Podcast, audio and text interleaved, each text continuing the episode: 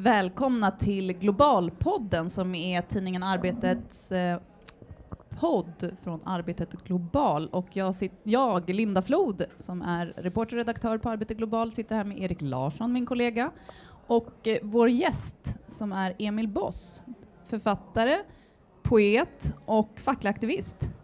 Är det korrekt? Det är korrekt. Ja. Mm. Och vi har bjudit in dig idag för att du har skrivit en bok som kom ut nyligen som heter Sydafrikanskt vin, en annorlunda vinbok. På vilket sätt är den en annorlunda vinbok? Det finns ju väldigt många vinböcker som med den äran presenterar eh, stiltrender och regioner och klimatfaktorer och så vidare. Men någonting som jag genomgående har saknat har varit ett, ett perspektiv på arbetsvillkoren och, och de ekonomiska förutsättningarna för vinproduktion. Så det är en bok som både handlar om, om vinerna men också om människorna som tillverkar dem. Mm. Och hur kom du på eh, idén till den här boken? Jag har jobbat eh, hemskt länge på Systembolaget. Jag jobbade där 15 år. Och när jag började då var ju intresset för sydafrikanska viner minst sagt svalt. Det var 2002.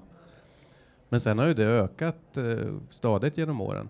Och eh, förra året så sålde Systembolaget 20,7 miljoner liter sydafrikanskt vin. Årets mest sålda rödvin var en prispressad eh, sydafrikansk bag-in-box.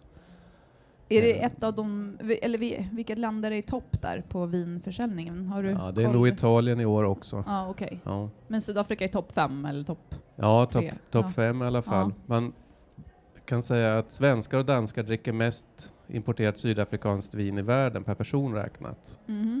Och men det är också för att vi köper så mycket billiga volymviner i Sverige från Sydafrika.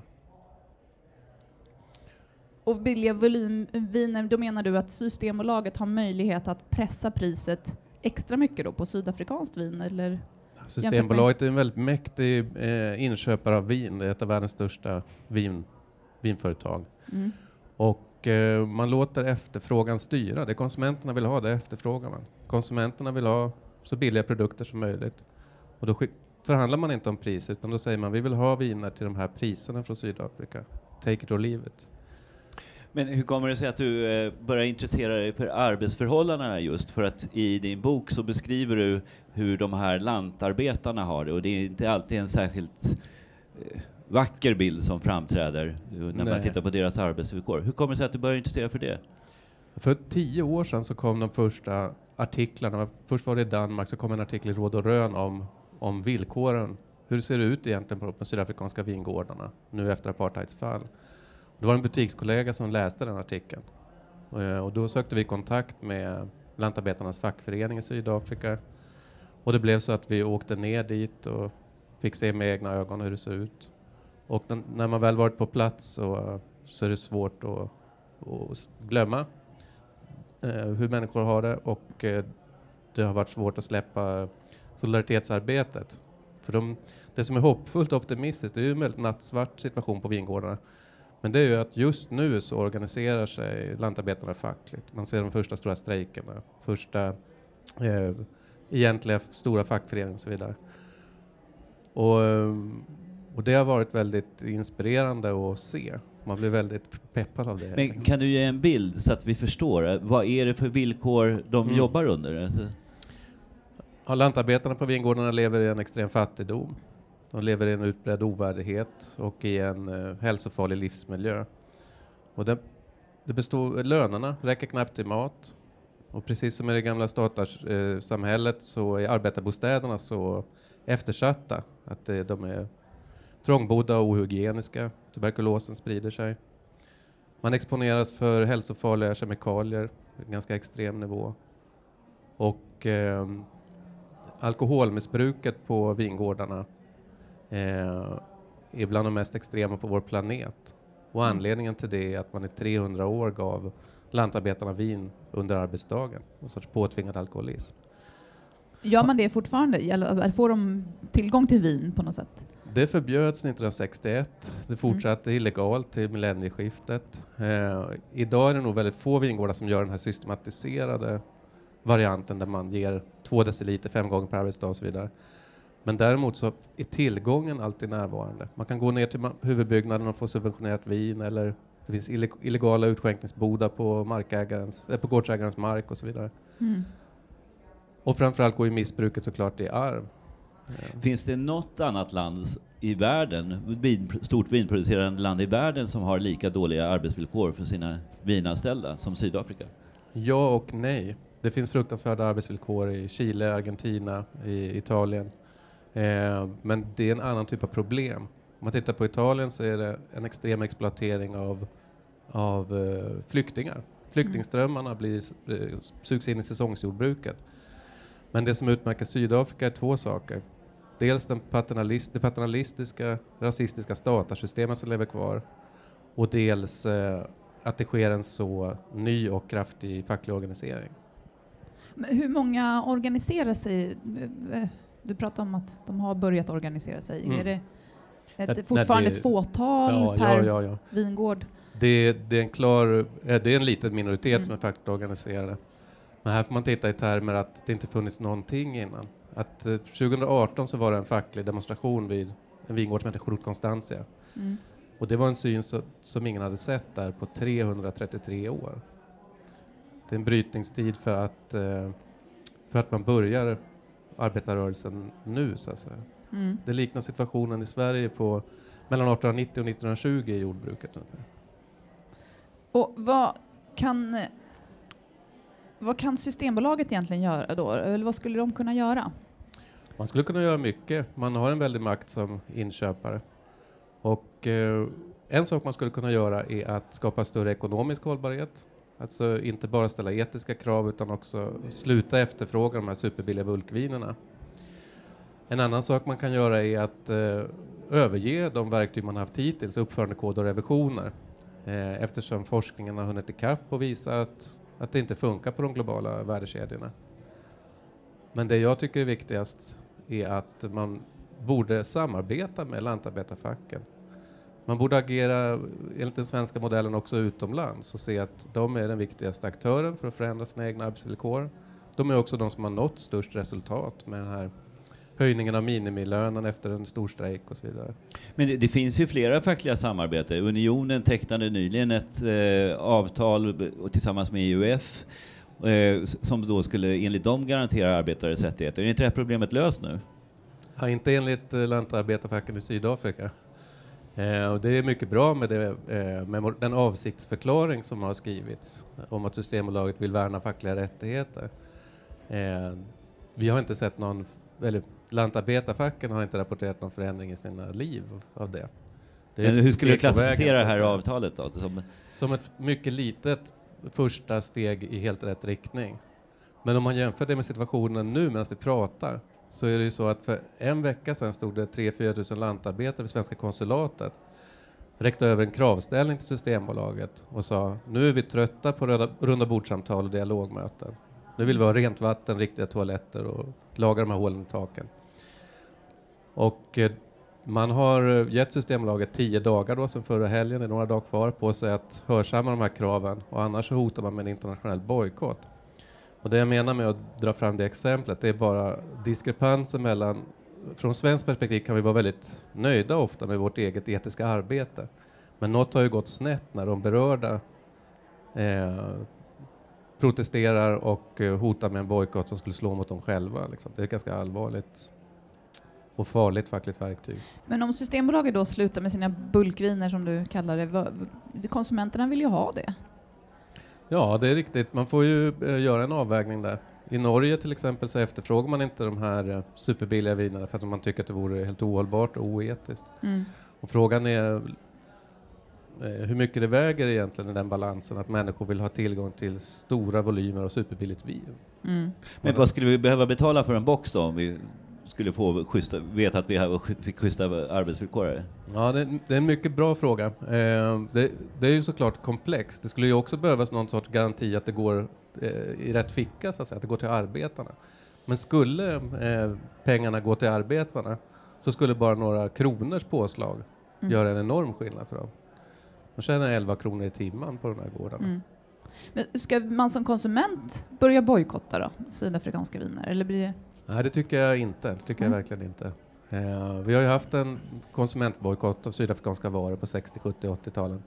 Men de var ju eh, organiserade och påkallade av ANC. Eh, de berörda måste ju, kan ju använda bojkotter som någon sorts påtryckningsverktyg i sitt, sin egen organisering.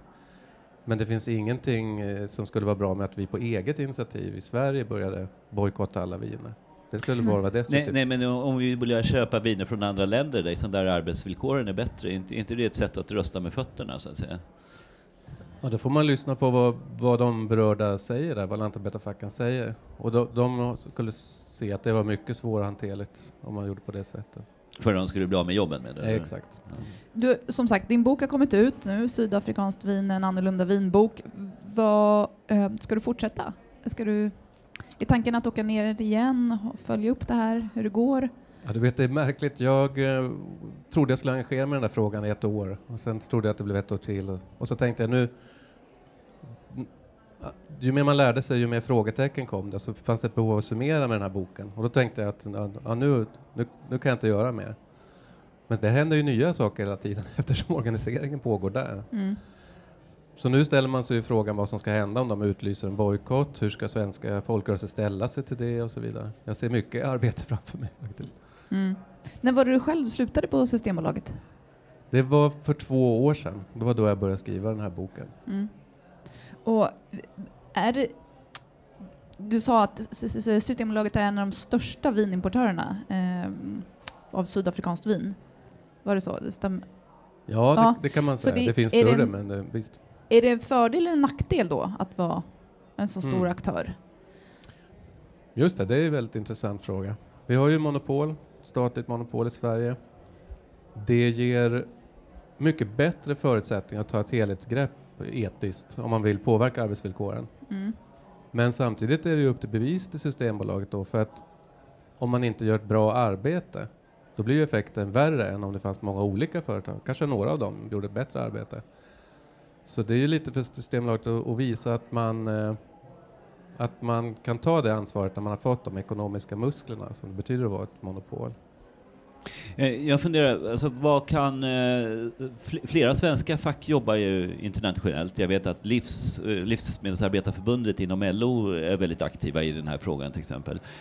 Men eh, vad kan svenska fack göra? Eh, Det fackliga landskapet i Sydafrika, det är väldigt splittrat. Det är många små fack som eh, ibland strider gentemot varandra. Eh, Det är också så att det finns en låg eh, organiseringsgrad inom vissa sektorer och vad, Mm. vad, vad kan de svenska facken göra för att stödja Mm. en utveckling som leder till högre löner, som du ser det?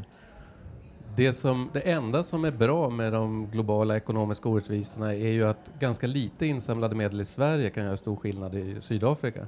Och de här, det finns en livsklubb i Örebro på Orkla Foods fabrik där. Den lilla klubben har samlat in 300 000 kronor till det största lantarbetarfacket och det har räddat dem. Eh, förluster i Arbetsdomstolen i Sydafrika och så vidare. De kanske inte hade funnits idag om det inte vore för livsklubben i Örebro. Så man kan eh, stötta fackens infra- infrastruktur alltså genom de här insamlingarna och så vidare. Man kan ställa kritiska frågor när man handlar vin, visa att det är viktigt för en som konsument. Eh, men det stämmer ju att eh, Sydafrikas situation nu, den liknar situationen på det svenska jordbruket på säg 20-talet. Då hade vi massa olika konkurrerande småfack. Upplands lantarbetarförbund, Skånes lantarbetarförbund. Eh, som senare gick samman och, och fick igenom centrala avtal och reformerade hela jordbruket. Så man ska inte heller vara rädd för den situationen, för så, så såg det ut även här och det gick bra sen ändå. Men vad är trenden nu då? Jag vet att det har varit eh, en ganska allvarlig konflikt mellan två gruvfack i Sydafrika precis, där fackliga faktiskt har mördat varandra då, liksom sådär. Eh, nu är ju inte det vinarbetarfacket, men finns det liknande konflikter inom lantarbetarfacken i Sydafrika? Nej, inte på den nivån så vitt jag vet i alla fall. Det har jag inte hört talas om. Ehm, nej, jag känner inte till några liksom, stora konflikter, om det inte är något som hänt väldigt nyligen. Ja. Men ve- vem är det egentligen då, så- vem, eller alla, alla led, alla har sitt ansvar, men jag tänker, är det vingårdsägarna som är hindret före Systembolaget eller är det Ja, grund- Systembolaget den största bromsen? Nej, det kan man ju inte påstå. Ansvaret för situationen i det sydafrikanska jordbruket måste ju förläggas på Sydafrika i första hand. Så är det ju. Men problemet är ju att eh, eh, apartheid skapar en låsning i tiden. Eh, statarsystemet finns kvar, så att säga. Vanmakten finns kvar för att det inte skett någon omfördelning av mark eller resurser. Så eh, som de brukar säga i lantarbetarfacket Kusavo, om man har ett rundabordssamtal mellan en slav och en, eh, hans vita herre och förväntar sig att man ska få till någon typ av eh, jämbördig dialog så tar man miste.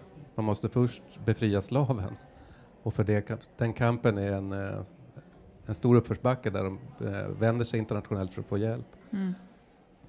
Fick du träffa vingårdsägare? Jag har träffat många ja. vingårdsägare. Mm. Och vad är deras förklaring då till de här arbetsvillkoren? Och, och det finns många vingårdsägare som själva är väldigt moraliskt upprörda över situationen och som jobbar aktivt för att skapa bättre arbetsvillkor. Och det finns också vingårdsägare som för 25 år sedan begick brott mot mänskligheten mot sina anställda och som fortfarande har en mycket nedlåtande attityd mot dem. mm. Ja, den här boken, ehm, eh, Sydafrikansk vinbok, eh, ett an, eh, en annorlunda vinbok, heter den så? Sydafrikansk vin, en annorlunda vinbok. Ehm, som sagt, ute nu. Och ehm, handlar du själv sydafrikanskt vin? Ja, det gör jag. Ja. Det gör jag. Mm. Och eh, det jag har lärt mig under resans gång, det I är övre prisklassen då? i övre Ja, prisklassen, mm, precis. Eh, men det är inte så enkelt som man lätt tror som konsument att göra de där medvetna valen heller. Fairtrade till exempel är liksom en struktur. Man eh, försöker samla ihop en pott med pengar och det tar lång tid att göra det. Så det är ingenting som säger att bara för att det är en Fairtrade-märke märke så är det inte fruktansvärda arbetsvillkor till exempel. Det är ändå bra att köpa Fairtrade. Mm. Men vi svenskar tror allt för mycket att vi ska konsumera bort världens orättvisor. Och jag är djupt övertygad om att det inte fungerar så överhuvudtaget. Det är mycket bättre att eh, swisha en slant till lantarbetarnas organisering om man vill att de ska ha bättre arbetsvillkor. Mm. Ja, det, det fanns en eh, spännande sak i din bok som jag fastnade för och du skriver om historien hur Sydafrika bröt sig in nästan på eh, den globala vinmarknaden genom att underprisa sig själv. Alltså Mm. genom att producera bra vin, sälja det billigt och sen har man fastnat i någon sorts rävsax. Kan, Ja. kan du berätta lite grann vad det handlar om? Ja, men så, så eh, kan man säga. Det var en bra summering tycker jag. När handelsbojkotten lyftes eh, så var ju de sydafrikanska vinproducenterna väldigt angelägna om att komma in på de europeiska marknaderna till exempel. Och då, för att göra det, så satsade man på eh, ja, mycket för pengarna kan man säga. Och det gick ju väldigt bra. Man, det är därför det har sålt så mycket. Men det är väldigt svårt att komma ifrån den imagen av mycket för pengar. Människor är beredda att betala väldigt mycket för ett franskt kvalitetsvin, men inte för sydafrikanska. Men nu kan man se att det börjar i alla fall förändras. Det börjar bli väldigt eh, hippt i England, eh, vinbutikerna där med sydafrikanskt vin. Eh, det kommer ny, en ny generation av unga vinmakare som gör jättespännande projekt, letar upp eh, 120-åriga gamla vinstockar och så vidare. Så förhoppningsvis så sker det en omvärdering av Sydafrika som vinland. Ja. Men det var liksom felprisningen som har fått konsekvenser för lantarbetare om jag tolkar din bok rätt egentligen. Ja, de, ja precis. Det blev ju, eh, den sydafrikanska vinindustrin är inte gjord för att göra enorma volymer av bulkvin. Liksom. Ja. Men finns det något land som... Som är gjort det? Ja. Ja, det är en bra fråga, men vinarealen är ju inte jättestor i Sydafrika. Det är ett ganska komplext landskap med som är väldigt dramatisk topografi och eh, komplex jordmånsstruktur och liksom väldigt, det kan skifta väldigt mycket på liten yta kan man säga. Så det kan vara väldigt svårt att göra stora volymer. Och det, Sydafrika är det land i världen som får minst betalt per liter för sina viner när de säljer. Mm. Jag, jag uppfattar din bok som en ganska stark kritik mot Systembolaget och dess tilltro till uppförandekoden. Liksom. Eh, vad tycker du är det värsta i Systembolagets agerande? Eller vad är det som skulle, de skulle behöva förändra först? Kanske vi ska säga, fråga istället. Det är svårt att rangordna det.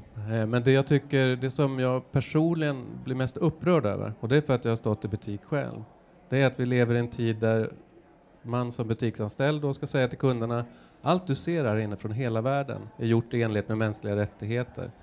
Eh, det finns en uppförandekod som alla måste följa, annars får de inte sälja till Systembolaget. Och det döljer ett akut lidande en akut situation och en akut rättvisekamp och facklig kamp som egentligen förtjänar vårt stöd. Alla, eh, alla ska man inte säga, många svenskar tyckte att apartheid var fel. Man tyckte att vanmakten och underordningen var fel och man gjorde sin röst hörda. Idag sker ett rättfärdigande av de här nästan slavlika arbetsvillkoren som, som skymmer sikten för att, att vi borde stötta lantarbetarna. Och det gör mig väldigt upprörd. Och det är det också som lantarbetarna när de protesterar vid konsulatet riktar in sig på också. De säger era fagra ord döljer vår verklighet. Liksom. Mm.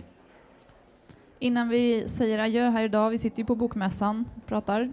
Har du något, något boktips? Ja, just det. Något annat? Ja, ja någon, någon jag, håller på, nyligen. jag har inte läst ut den än, men jag håller på att läsa Måns Wadensjös Monopolet. Okej. Okay. Det låter som ett väldigt snävt intresse, ja. snäva intressen, ja. men den handlar ju om Systembolaget, en roman. Aha. Den är väldigt välskriven. Mm. Eh, för mig som gammal systembolagare så är igenkänningsfaktorn hög. Jag förstår. Hur ofta ja. tänker du på Systembolaget egentligen? Ja, det konstiga är, när vi slutade, vi har flera som slutar samtidigt, då sa vi, det är märkligt, vi har inte tänkt på jobbet på en vecka liksom. För att arbetsuppgifterna är sådana, det är väldigt monotont. Mm. Men sen nu när man kommer in i en systembolagsbutik och liksom ser lysrörsbelysningen, doften och sådär, så händer det någonting med kroppen. Man har varit där i 10-20 000 timmar. Så det är, det är komplicerat. Ja. ja. Men tack så jättemycket för att du kunde komma. Ja. Tack för att jag fick vara här. Ja, tack. tack.